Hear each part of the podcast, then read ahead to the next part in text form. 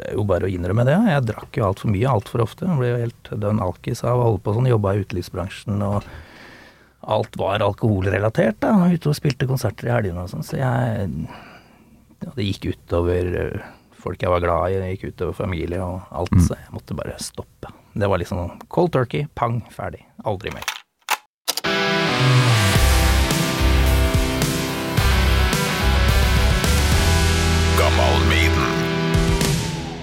Fri fra jobb, eller? Ja, jeg er jo ferdig for dagen, så da er det greit å stikke av litt tidligere. Jeg jobber jo egentlig til tre. Men jeg må bare ha på litt sånn diskré during, tilfelle et eller annet eh, går skikkelig ad undas et eller annet sted, så må jeg Å ja, er du litt Ja, på vakt? Altså, nei, men altså, siden jeg egentlig jobber til tre, altså, det er jo helt sånn ekstremtilfelle hvis det, Ja. Frognerbadet går lekk, liksom. det skjer jo ikke, men, men eh, flate, jeg visste ikke at du jobba med svømmebasseng. Nei, det Måtte liksom bare ut av nattarbeid og vekk fra fylla og alt sånt, så da blei det bare, Ja. bare Måtte bare kapitulere. Gammal Med Torkil Thorsvik. Peter Vegem, hjertelig velkommen til Gammal Maiden. Tusen takk. Det er en stor ære å få være med på denne herlige podkasten din. Ja, du syns det, ja? Ja, dette her er eh, bra tiltak. Det er eh, veldig koselig å høre på. Altså. Eh, Jeg har noen episoder som ligger og venter, men jeg gleder meg til å høre de òg. Så det Ja. er veldig trivelig. Nei, men det er utrolig kult å høre, for jeg har skjønt at det er mangel på sånne her ting, da. Å høre likesinnede snakke om noe man er glad i. Ja, det er jo det. Jeg er ikke Altså, det fins jo sikkert en drøss med podkaster der ute, men jeg har egentlig aldri vært noen sånn podkastfyr. Så da jeg så at en del kompiser begynte å snakke om denne her Gammal Maiden-podkasten på, på Facebook, så måtte jeg inn og sjekke litt. Og det var jo særs trivelig.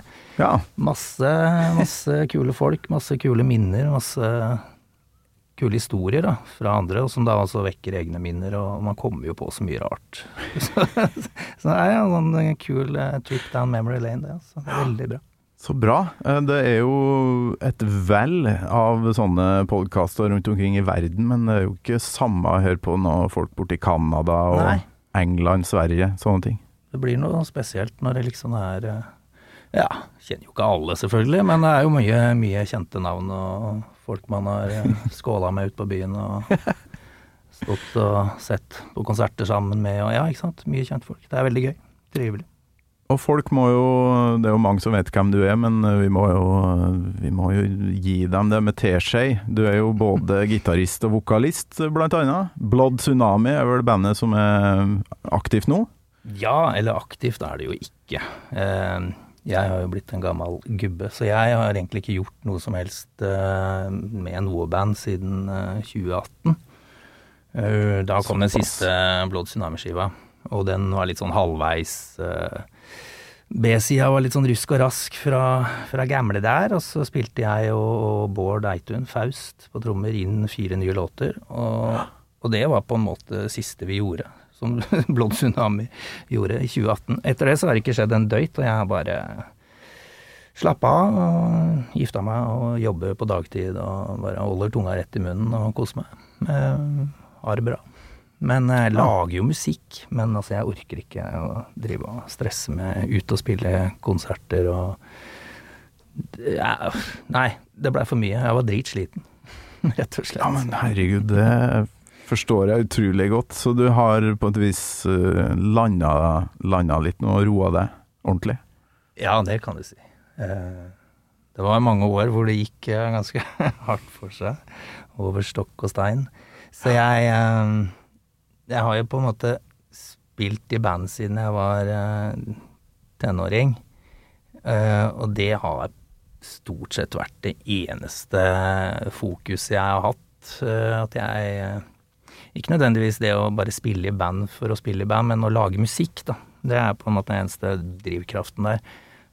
Lage musikk, og så kommer jo alt det andre ved siden av. Altså, og da må det jo da etter hvert eh, Så er det jo gøy å spille konserter, og det er jo kjempegøy å spille inn i studio og liksom være kreativ der og Mm. se at det tar form. Og få det ut, selvfølgelig, og alt dette her. Men, men jeg er ikke sånn at jeg bare spiller i band bare for å spille i band. Altså, jeg har jo prøvd det, å spille andre sin musikk, og da da mister jeg interessen veldig fort. For jeg må liksom jeg må lage det sjøl, da. Ja. Og det blir jo altså det er jo en litt sånn forbannelse også, fordi det Ja, jeg, jeg, er kanskje vanskelig å samarbeide med, det veit jeg ikke, det får du spørre noen andre om, men jeg blir kanskje en litt sånn små kontrollfrik, da, i et band i bandsammenheng. Jeg veit ikke. Altså det, ja, det får noen andre uttale seg om. Men, Ja. jeg, men etter hvert som jeg liksom merka at eh, det står sto jo falt på meg, f.eks. fremdriften til, eh, til Blood Tsunami, og hvis jeg var sliten og kanskje ikke riffa satt like løst som de pleide og sånn, så, så stoppa det jo opp. Og da var det veldig tungt å hele tiden dra det i gang igjen. Altså. Bård er jo også en veldig entusiastisk og, og talentfull fyr, som også var med å dytte lasset, selvfølgelig, men han var jo ikke den, den skapende delen. Ja. Eh, Jeg introduserte deg jo som eh, Peter eh, Vegem her, men eh, med kallenavnet Pete Evil, så så må man kanskje være litt sånn Pete Evil rundt omkring, så du ble kanskje sliten av å gå rundt og være konstant litt sånn eh, ja, rocke- rocke-Peter. Ja, altså det har jeg egentlig aldri prøvd å, å leve opp til. Jeg har egentlig bare vært meg sjøl hele veien. Men jeg har jo selvfølgelig vært eh, Eller akkurat det navnet der, det dukka opp eh, på 90-tallet en gang. Jeg spilte i et band som het Datsun, sammen med Kristoffer Schou og noen andre rabagaster. Ja, Og det husker jeg godt. Ja, ikke sant. Og der var det jo da selvfølgelig sånne dumme, dumme artistnavn, da. Eh, Ringo Fire og Max Cargo var jo Kristoffer. Ja, ja, Og jeg da, fordi jeg var jo det eneste metallhuet der, så og syntes de andre at det var evil. Og så er det jo Så blei det Pete Evil, da, og så er jo det litt sånn, eh, sånn hint i Sid Vicious og den type navn der, da. Ja, ja. Eh, men eh, at jeg er så jævla evil, det, det tror jeg ikke. Men det har noe med liksom den derre metal-greia, at jeg var metal... ty- Hue, metallhue, i det bandet. Eh, og så blei det bare det, det satt, og så begynte folk å kalle meg det når jeg var på byen og vi var ute og spilte og sånn, for det sto jo da på skivene, ikke sant. Jeg tok jo det med meg videre, jeg inn i Hellride, og det het jo det der. Pete Pist var det også noe som kalte meg. Og det står også på en eller annen singel. Men eh, nei da, altså jeg var jo jeg er jo en jævla dårlig, eh, dårlig fyllik, så når jeg eh, drikker, så blir jeg jo helt eh, klin hakkenes gal, og det er også kanskje noe som som har hengt ved meg, da. I tillegg til at folk kaller meg det, ikke sant. Så jeg blir jo ganske sånn Ja. jeg vet ikke hva jeg skal si om det, men Hva ja. skjer når du Når du tar deg en for mye, da? Nei, altså jeg har det jævlig gøy og trivelig inntil et uh, visst uh, punkt, og så, så, så kan jeg jo bli veldig utagerende, jeg, og det er skremt vann av folk og fe. Men uh, Og jeg, har liksom prøvd å kontrollere det, så det der er jo bare kjemi i skallen på meg, liksom. Så, men um, prøvde å, å forholde meg rolig og drikke mindre og trappe ned og alt sånt der i mange, mange, mange år. Men til slutt så, så blei jeg såpass gammel at det er liksom det er, Nå må jeg bare skjerpe meg. Da hadde jeg blitt 40 år. Og da slutta jeg å drikke. Så jeg har ikke drukket siden. Og hvor lenge er det siden? Det er åtte år siden. Nei, dæske. Grattis med det. Jo, takk. Det, Det skal jo egentlig ikke handle om drikking, denne podkasten, men jeg Nei. blir nysgjerrig på det, for jeg har opptil flere kompiser som er koseligste, roligste menneskene i verden, og så får de den ene, gjerne noe brunt brennevin, litt Ja. for mye, og så går det til helvete. der er jeg. Det er, det er du. Ja, jeg kan drikke øl, eh, det kan jeg drikke mye og lenge av, men med en gang noen gir meg noe sprit, så da Nei, da, da, da rakner alt. Eh, Etter en liten stund, da, og det kan bare være sånne bagateller som utløser liksom de helt sånne her absurde hendelser, da. Ja. Så det er ikke noe gøy. eh, Ikke i det hele tatt. Så det er jo bare å innrømme det. Jeg drakk jo altfor mye altfor ofte. Jeg ble jo helt dønn alkis av å holde på sånn. Jobba i utelivsbransjen og alt var alkoholrelatert. da, Ute og spilte konserter i helgene og sånn. Så jeg ja, Det gikk utover eh, folk jeg var glad i, det gikk utover familie og alt. Så jeg måtte bare stoppe. Det var liksom cold turkey, pang, ferdig. Aldri mer. Så det er altså da tre år siden du ga ut uh, det her. Jeg tenkte å spille uh, starten på en låt som heter Horsehead Nebula. Fra Ja. siste Blood Nei, Tsunami. den er, den er eldre, faktisk. Men ja, det, er Blood Tsunami. Ja, den er eldre, den, ja. er fra 09, vel. Ja, Ah, den okay. kom i 09, ja. Ja, men vi hører Samme på den, vi. Kjør på.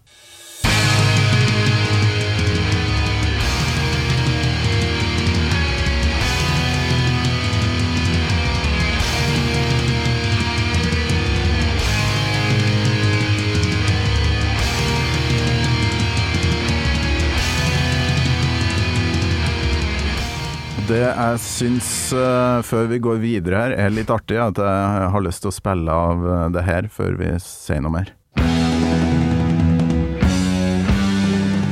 Fordi det ligna bitte litt. Nei, gjør det det? Ja, gjør det ikke det? Jo da.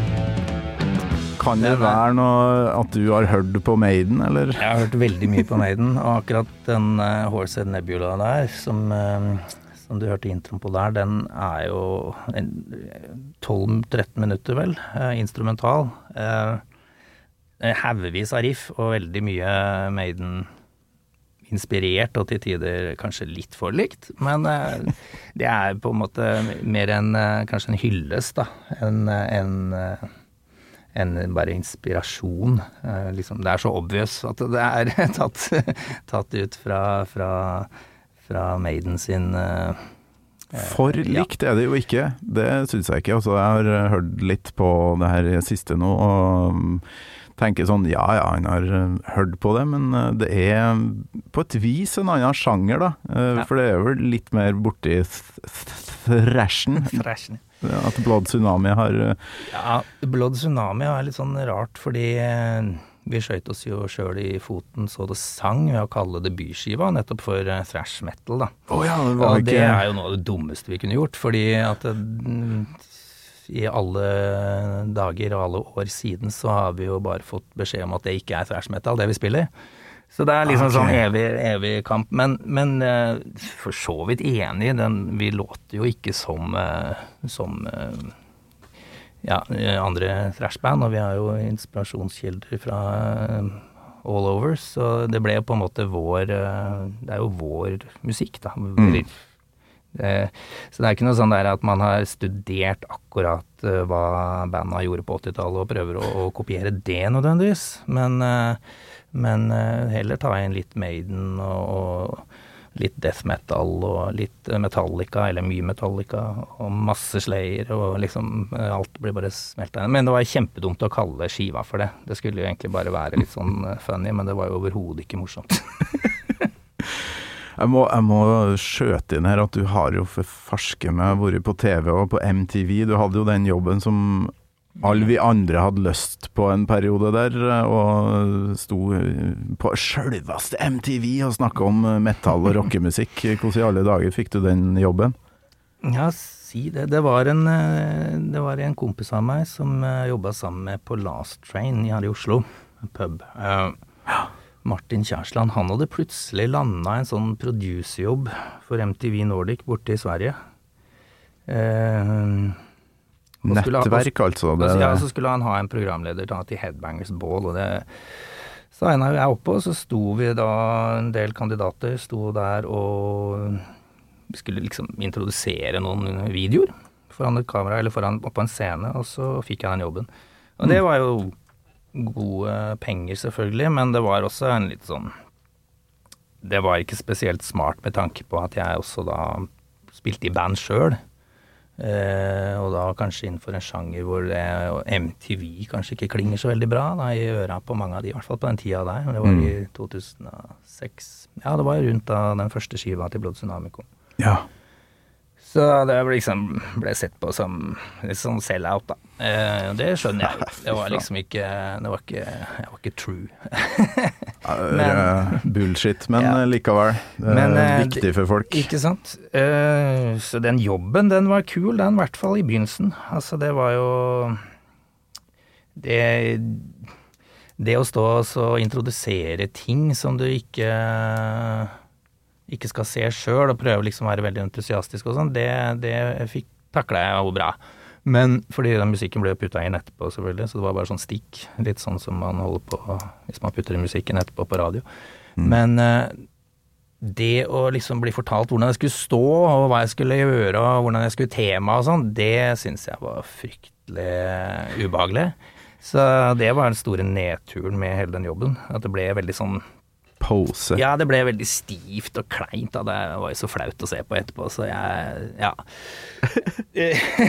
Ja, for du skulle jo være han derre kule fyren som gikk på scenen med bandet ditt etterpå. Ja, og, og, og det å gå på scenen og, og liksom være full av selvtillit på å levere egne varer og, sånn, det er noe helt annet enn å stå der og liksom være litt sånn puppet. Eh, altså, jeg følte meg litt sånn styrt. Jeg fikk jo velge i stor grad musikken sjøl, i hvert fall i de første sesongene, så det var jo på en måte den bonusen der. Da. Jeg fikk jo inn veldig mye låter som jeg sjøl kunne stå inne for, og band jeg likte.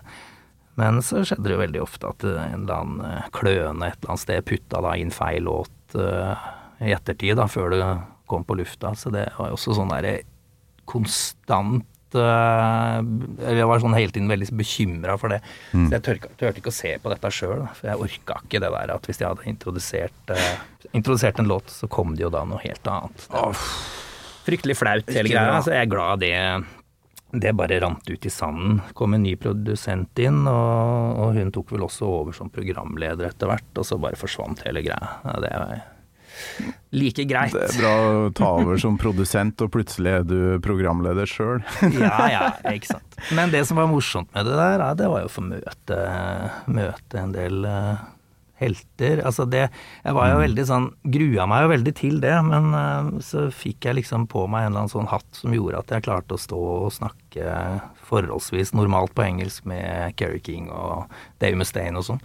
Og det var jo Det var jo nervepirrende da, men veldig kult sånn i ettertid. Ja visst. Du, da, da er det jo enklere å skrive, for da kan du stå for hvert bidige ord. Og du har jo skrevet for Feedback, den fantastiske redaksjonen oppe i Tromsø. Fant en artikkel her som um, åpner som her. Iron Maiden er verdens beste band. Punktum. Det er min mening, og jeg står for hvert ord. Så da, da har vi satt uh, på plass det, og da kan jeg bare spørre med en gang om du, i likhet med mange andre gjester, husker første gangen du hørte Maiden? Det gjør jeg. Det var faren til eh, noen kompiser av meg, Nicolai Marius. Eh, Nicolai Marius og jeg, vi var jo skikkelig Kiss-fans fra tidlig på 80-tallet og løp rundt eh, i nabolaget deres eh, med sminke og, og poserte for alle de andre småunga. Eh, men, eh, og vi hørte jo på en del andre band også, eh, men det var stort sett Kiss. Det dreide, alt dreide seg om Kiss. Helt til plutselig en dag så tror jeg faren deres mener det var faren deres. Han hadde noen skiver som, som vekte interesse.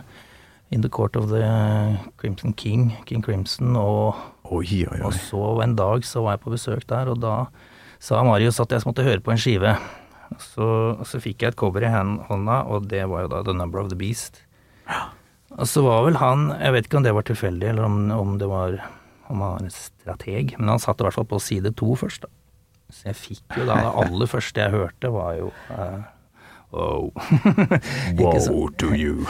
Um, og det var altså Jeg ble jo helt perpleks, altså. Jeg ble stående og se på det coveret og høre på den introen og da den gitaren som kommer inn og ja, det var sånn Jeg hørte, hørte flammene knitre og folk hyle, og det var liksom Fantasien gikk jo helt eh, bare på 100, altså. Å, fy og så, så så fikk jeg vel sånn Det er noen ganger i livet jeg har fått sånn totalt rockesjokk. At jeg liksom bare mister helt fatningen. Bare løper rundt, spiller luftgitar, skriker over hæler og er helt bajas. Det var en sånn gang, da. Så når da det skriket til Dickinson kommer inn der etter de fire første linjene, så ja. Jeg har aldri vært den samme siden. Men da jeg er så lite barn, da. Så det var jo veldig sjelsettende og veldig sånn Det har definert meg i veldig stor grad, hele den der eh, opplevelsen der av å bare få, få hele liksom Alt det som er best med heavy metal, da, inn på én sånn en låt. Og så har det bare balla på seg siden. Men Ja, eh, så bra. Det, det er så fascinerende, for det er mange gjester som eh, snakker om hvor viktig det der øyeblikket er. Altså, de hadde ikke Du hadde kanskje ikke sittet her akkurat nå, hadde ikke vært for akkurat det øyeblikket. Nei, det er sant. Er ikke det litt sånn Mm. sjukt å tenke på? Den der uh, sommerfugleffekten. Mm. for um, hadde ikke jeg fått Maiden på akkurat det riktige tidspunktet, så hadde jeg ikke hatt den jobben her. Jeg hadde ikke spilt i band. Hadde ikke, ikke sant? Da hadde jeg kanskje spilt uh, musikk, men noe helt annet. Mm, mm. Ja, det er, det er, det er Så der sprang du rundt i stua. Altså, hvor gammel var du, tror du? Jeg var ni. Det, er, det var i 82, det her, så den uh, Number of the Beast var jo forholdsvis ny. Ah, såpass. Ja, det kan ha vært 83. Og jeg, jeg kjøpte da min første Maiden-skive, kjøpte jeg 83. Det var Peace of Mind på kassett. Eh, og så jeg hørte jo The Number of the Beast først, og jeg hadde vel den på opptakskassett. Så da jeg skulle gå og kjøpe meg plate, så tenkte jeg nå har jeg jo Number of the Beast på opptak, så jeg, og da hadde Peace of Mind kommet, så da blei det den. Så det var uh, på en måte den andre jeg hørte, men den første jeg kjøpte. Ja. Ja.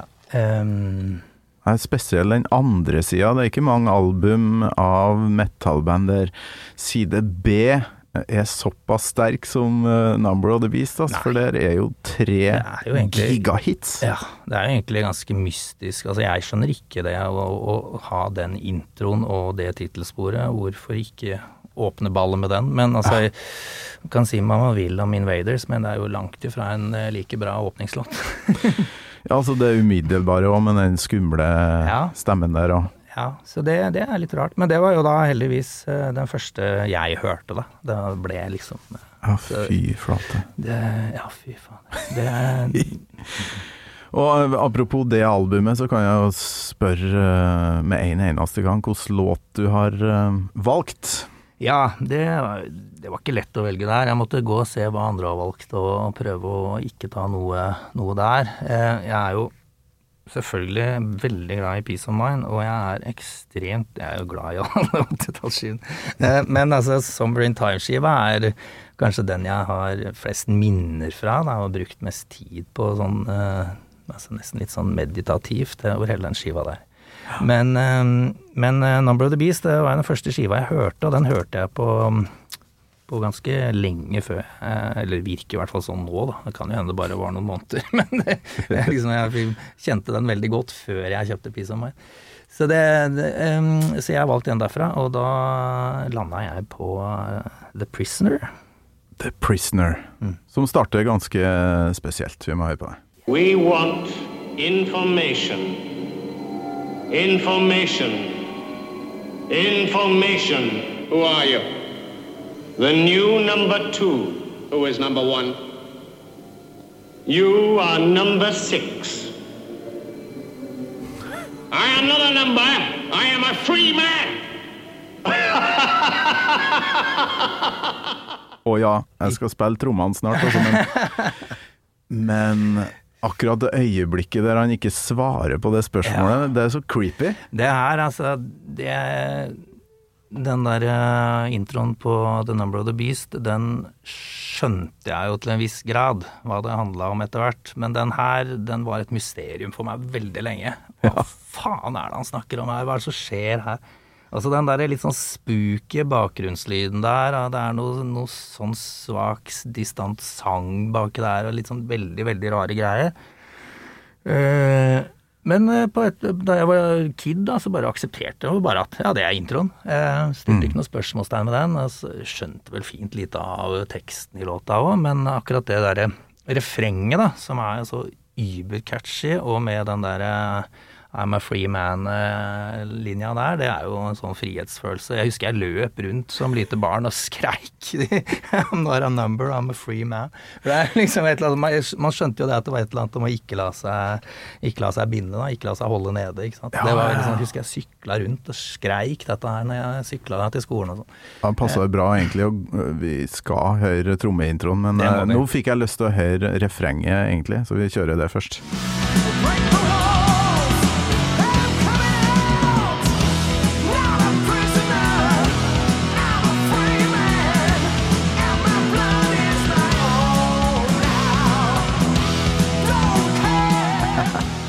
Ja, det er nydelig. Herregud. Det her traff eh, meg òg veldig da jeg var liten, så jeg vet ikke. Kanskje det er en sånn låt som bare Ja, funker når man er den, går, den treffer jo Altså, den er jo ekstremt catchy òg. I tillegg til at du har den derre er litt sånn opprøret, bryte ut. eh. Men det er jo viktig å, å, når man først snakker om låta, og så poengtere hva den egentlig handler om. Ja. Det er jo ikke sikkert alle veit det, eller de, alle Maiden-fans burde jo vite det, men, men eh, eh, den er jo fra en 60-talls TV-serie som faktisk bare het The Prisoner. Og det er jo der Ja. introen kommer fra òg. Stemmer det. Så, Men så- før, eh, før vi snakker om det, så må vi høre de trommene, for nå Ja, eks eksploderer jeg Ja, snart. ja, ja.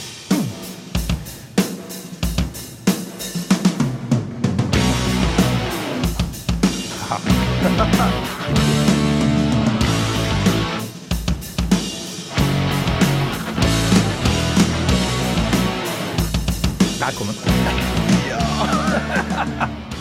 Ja, det er så deilig, det. Den derre dekka-dekka Ja, 16-delen der. altså. som jeg satt og var eh, ti, ti år gammel og bare Ja.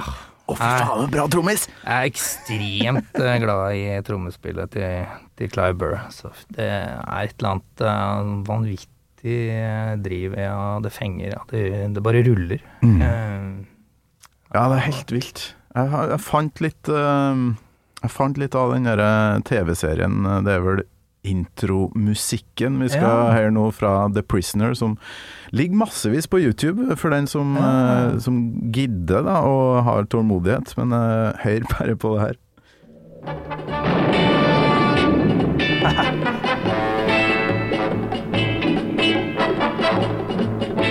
ikke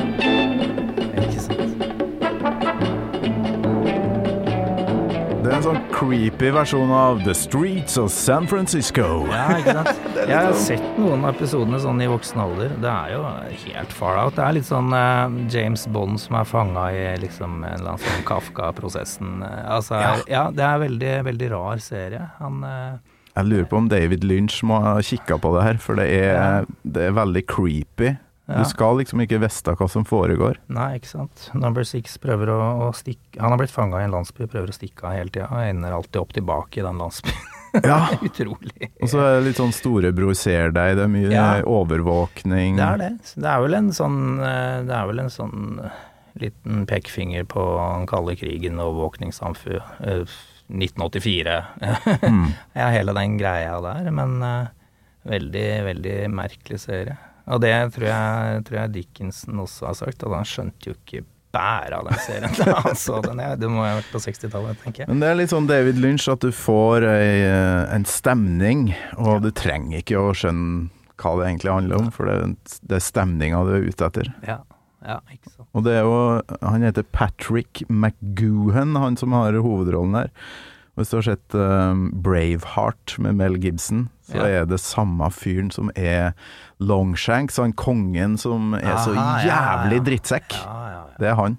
Ah. Og han eh, måtte de ringe på, for jeg tror det var han som satt på rettighetene. Sånn uh, Ja. ja, det er vel han vi, vi- han vi hører på. Ja, ikke sant? Det er han som er I am not a number-fyren. han er number, number six. Ja. Og da er det jo eh, sånn at de får eh, til svar, da, bare sånn eh, Hva var det sa bandet het da? Iron Maiden. Ja ja, kjør på! Ja. Og så la han på, eller noe sånt. Så de fikk oh. rettighetene med- med én en eneste gang. Altså, ja, ikke sant.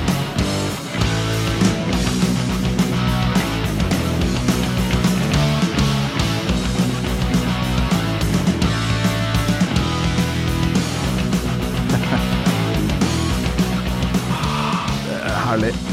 Det er helt nydelig. Så den der, der er jo Burry igjen, da. Den der, når jeg markerer med den chinaen der, som ligger litt langt bak i miksen. Men tsk, tsk, tsk. Utrolig fett. Så er det jo Det er jo ganske Det er jo et rockeriff, liksom. Kunne jo vært eh, altså, vi spiller, har jo spilt i punkband begge to. Altså, Ja. Det er jo Scandi-rock. Ja, absolutt. Det kunne jeg vært Ja. eh, Men eh, Helicopters og vel Lucifer og det eh, meste der. Godeste Adrian som har det riffet der. eh, som har mekka det, er det ikke det? Jo. Jeg lurer på om det er han òg som har første soloen. Um, Mm. Ja.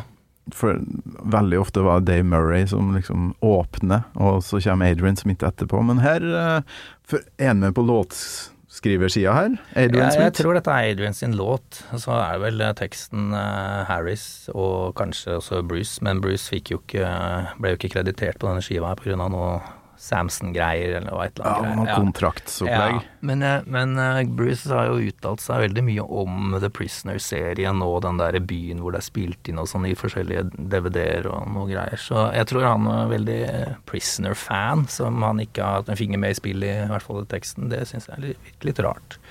Sikkert. Ja. Men jeg tror, jeg tror riffet er Adrian. Og så kommer det jo noe greier her, Jeg klarer ikke å vente, for det eh, er jo Sitter jo alltid og hører etter bassen av en eller annen grunn, kanskje fordi fattern var bassist, men eh, det partiet her syns jeg jo Steve Harris eier veldig.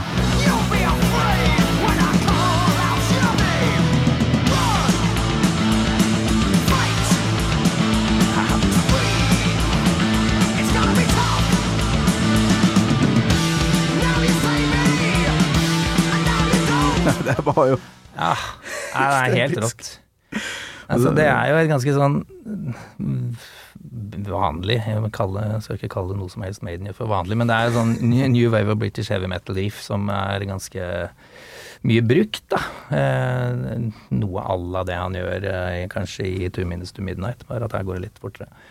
Eh, men det, det Steve gjør i bakgrunnen der, er jo det som løfter hele den brua der. Og den går jo i to, to trinn nå. Den kommer bygger jo på seg enda mer før det endelig forløser seg med refrenget der. Ja, det er helt eh, Jeg tror ikke det er noen episoder jeg har laga flere klipp til uh, enn eh, enn den her. Det var vanskelig å velge liksom hva skal vi høre, høre på, så nei, jeg tar alt. Så det har mye greier her. Men i den derre feedback eh, Artikkelen der lister du opp de sju beste albumene til Maiden, og det er jo de sju første.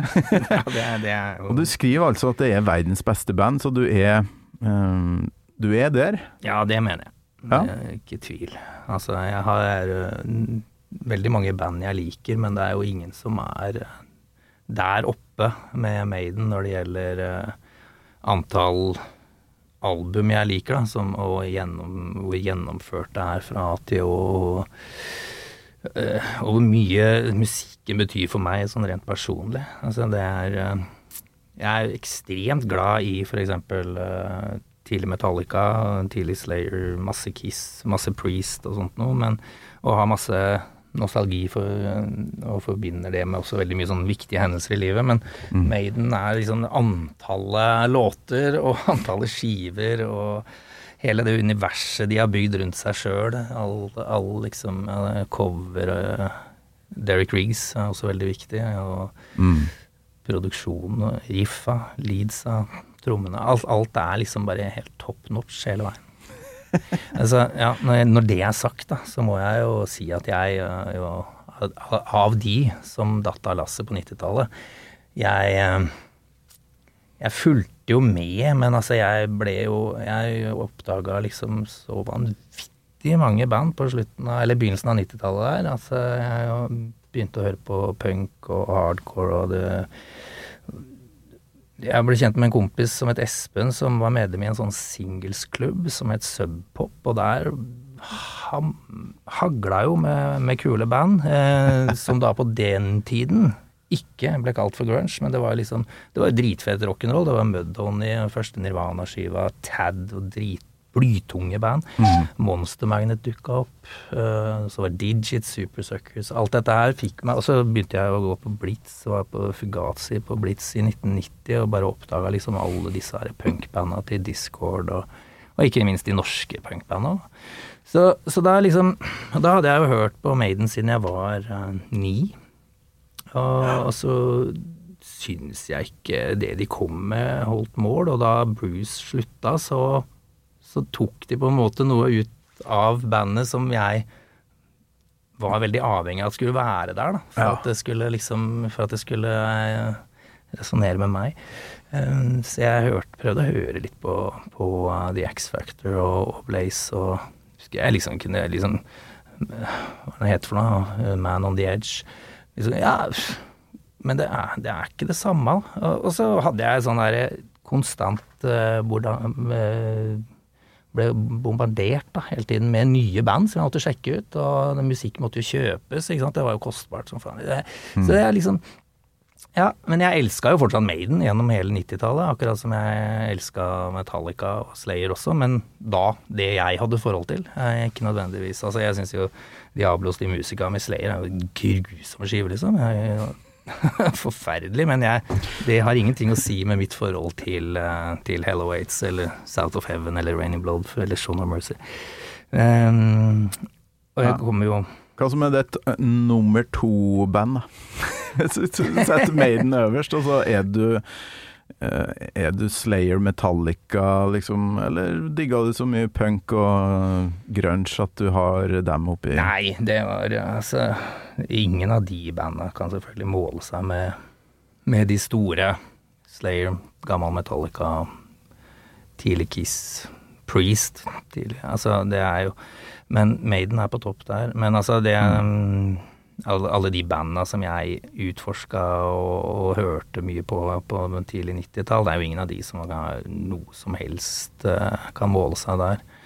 Men jeg syns det er jævlig bra, selvfølgelig. Eh, For eksempel band som Big Black, er sånn der eh, utrolig eh, menneskefiendtlig eh, støyrock med trommemaskin, for eksempel. Jeg syns det er dødsbra. Men det kan, det er liksom, jeg kan ikke si at det er favorittbandet mitt for det. For det har liksom ingen, ingenting med Nei, det er noe spesielt med Maiden og den derre helheten, da, som du sa i stad. Det liksom det visuelle og musikken og hele katalogen er jo på plass der. Hvis jeg skal velge band nummer to, så må det bli Slayer, da. Altså fra, fra debuten og opp til og med Sound of Heaven. Ja, Ah, ok, ja. det er nummer to-bandet. Ja, jeg syns det er ja, Det var vanskelig spørsmål. Nummer to-bandet er også vanskeligere enn nummer én-bandet. kjipt uh, spørsmål, altså. uh, Men jeg må um, Ettersom du jobba i eh, MTV, jeg vet ikke hvor lenge du gjorde det, og sånn, men fikk du sett Har du sett mye Maiden live-konserter? Ja, ikke i forbindelse med MTV, men jeg har sett dem eh, Jeg er ikke sånn som reiser land og strand rundt. Jeg har vært et par ganger i Sverige og sett dem, og tok turen til Bergen i 014. Men jeg har sett dem en 14-15 ganger. 15, ja. Ja, det er jo veldig bra, da. det er, men det er jo da hovedsakelig Norge, altså. Eh, Bortsett fra én tur til Göteborg og én til Stockholm. Jeg kjenner jo, eller veit jo om folk som, som legger ut på lange, lange ferier for å se konsert etter konsert, men det, den slags har jeg verken tid eller råd til, så jeg nøyer meg med å se dem når de, når de kommer til meg. Der sa du det. Tid og råd. Det var det største problemene mine, egentlig. Det ble eh, liksom de nærmeste her. Ja. Men Ja, det- eh, hva var den den første? da? Fikk du sett noen på 80-tallet? Ja, jeg var eh, på Summer on Tour 86, oh, og. Seven Sun 88. Så, eh, og 86 var den første Maiden-gigen, og det altså Jeg kan ikke si at det var den beste, men det var den første, og den er på en måte det, Den skiva, den turneen, eh, det er liksom the holy grail, nesten. Altså, for det var så vanvittig fett å, å se Maiden for første gang. Da hadde jeg jo hørt på dem i en uh, tre års tid.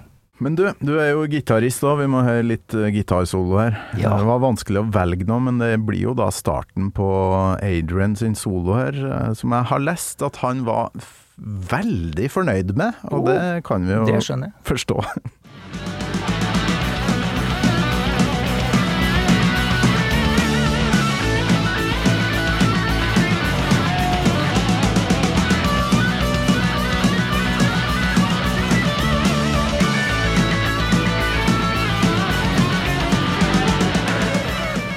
fy faen. Han er, altså, det er så Det er så digg, de soloene til Adrian Smith. Det er eh, Og så er det Gåsehuden kom eh, altså når de dobler der. Ja, det, altså, ja, det er jo sånn trademark Smith, at det er så, det er så mye melodier i de i, i soloene hans, da. At du, du går jo og nynner på soloen hans etterpå. Det er veldig melodiøst, veldig bra liksom komponert. Mm. Det er jo det han eh, sier òg, at han lager jo soloene. Han er ikke noe sånn ja, improviserer fint lite. Det Mm. hører man jo. Utrolig Kalkulert kar, Ja, men eh, meloditøft. veldig mye blues-bakgrunn, tror jeg. Og Ja.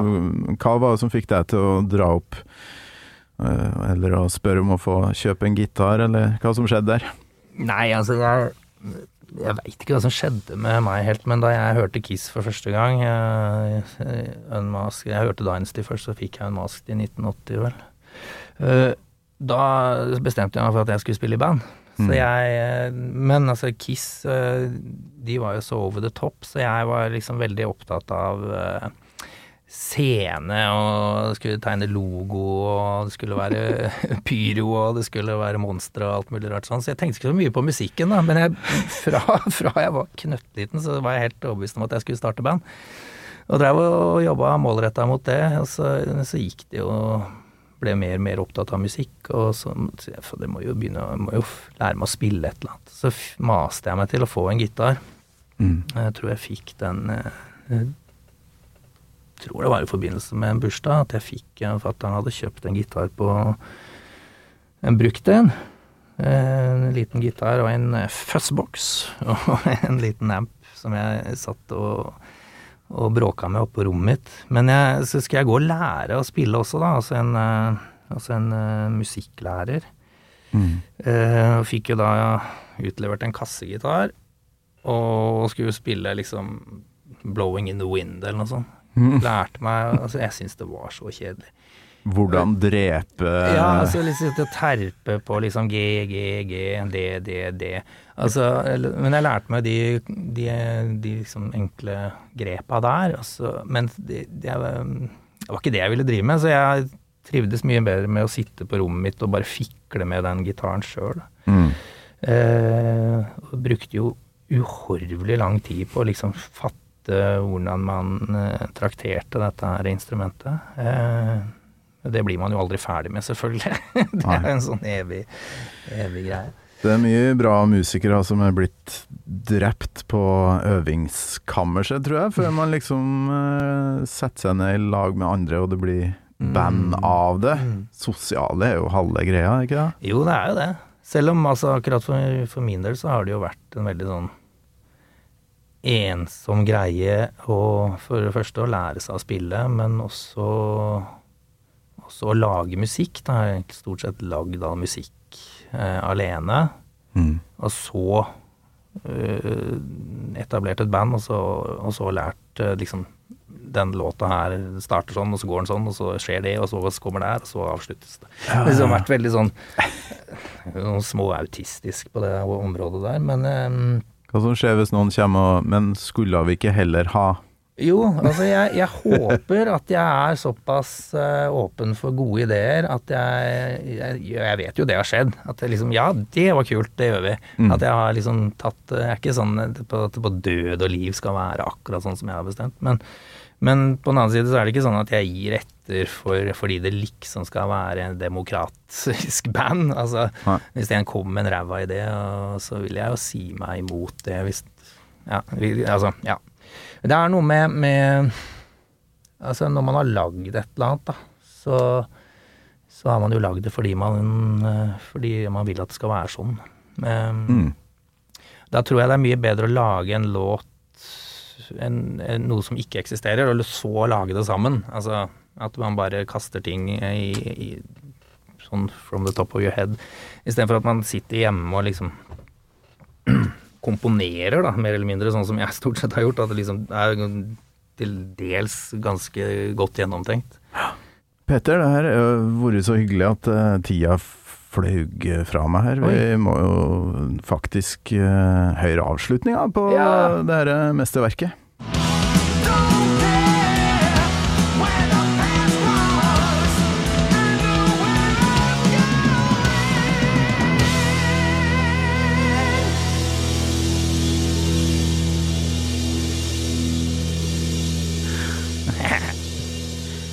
Ser for meg deg for å sprenge rundt i stua til han kompisen din nå. ja. Nei, altså, det er en fantastisk låt, fantastisk skive, fantastisk band.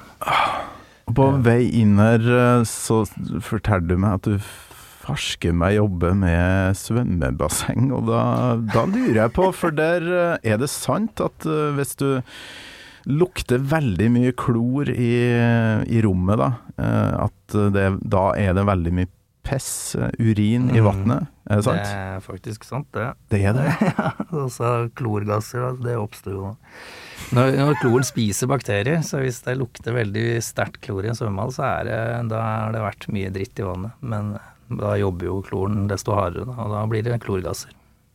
Jeg var svømmer, aktiv svømmer, eh, trena to timer hver dag, faktisk, eh, fram til jeg var 14-15. Og fy faen, for ei klorlukt det var. Ja, ikke sant. Ja, det, det husker jeg fra, fra Kido, at det lukta jo mye mer i svømmehaller før. Det har heldigvis blitt stor bedring der. Ja, så det var på grunn av den fredagsbadinga der familiene fikk komme inn, det er jo kanskje Sikkert. Eller var det noen av de eh, medsvømmerne mine der som drev og altså det er, hvis du begynner å lese hvor mye bakterier som er på menneskekropp, så er det antallet helt sånn Altså, det, det er helt vilt. Mm. Altså bare det man har i bakluka, liksom. Det er helt drøyt. Så, men eh, kloren er heldigvis effektiv, da. Men altså, jo flere som bader, jo mer som, flere folk som pisser, jo mindre de vasker seg etc., så jo mer vil det lukte. Så utrolig bra å avslutte episoden med, med akkurat det her. Men eh, jeg kom jo på da, den der dusjen du tar på vei inn i et basseng. Skal jo ærlig innrømme at den er ganske Det er en kattvask. Ja, det burde jo alle være ganske påpasselige med, da, for da vil det bli bedre kvalitet på vannet. Ah, det har vært utrolig hyggelig å ha deg innom. Veldig hyggelig å være her òg. Eh, utrolig Ja, utrolig ålreit. Jeg stortrives. Ja, Skulle gjerne holdt på et par timer til. Men eh, nei da, veldig bra. Stå på med, med Gammal Maiden. Fantastisk bra podkast. jeg håper virkelig at jeg kan eh, At jeg finner flere folk, og det er jo faktisk en uttømmelig kilde der, har jeg skjønt. Ja, det må jo være det. Tenk deg hvor mange som digger Maiden. Ja, det er akkurat det. Ja. Nei, jeg, jeg skal tipse deg hvis jeg kommer på noen veldig bra kandidater. Det gjør jeg. Det må du gjøre. Ja. Peter, tusen takk for besøket. Tusen takk skal du ha. Gammal Maiden med Torkil Thorsvik. En podkast fra Radio Rock. Good day, number six. Number what? Six. For official purposes, everyone has a number. Yours is number six. I am not a number. I am a person. Six of one, half a dozen of another. Good day.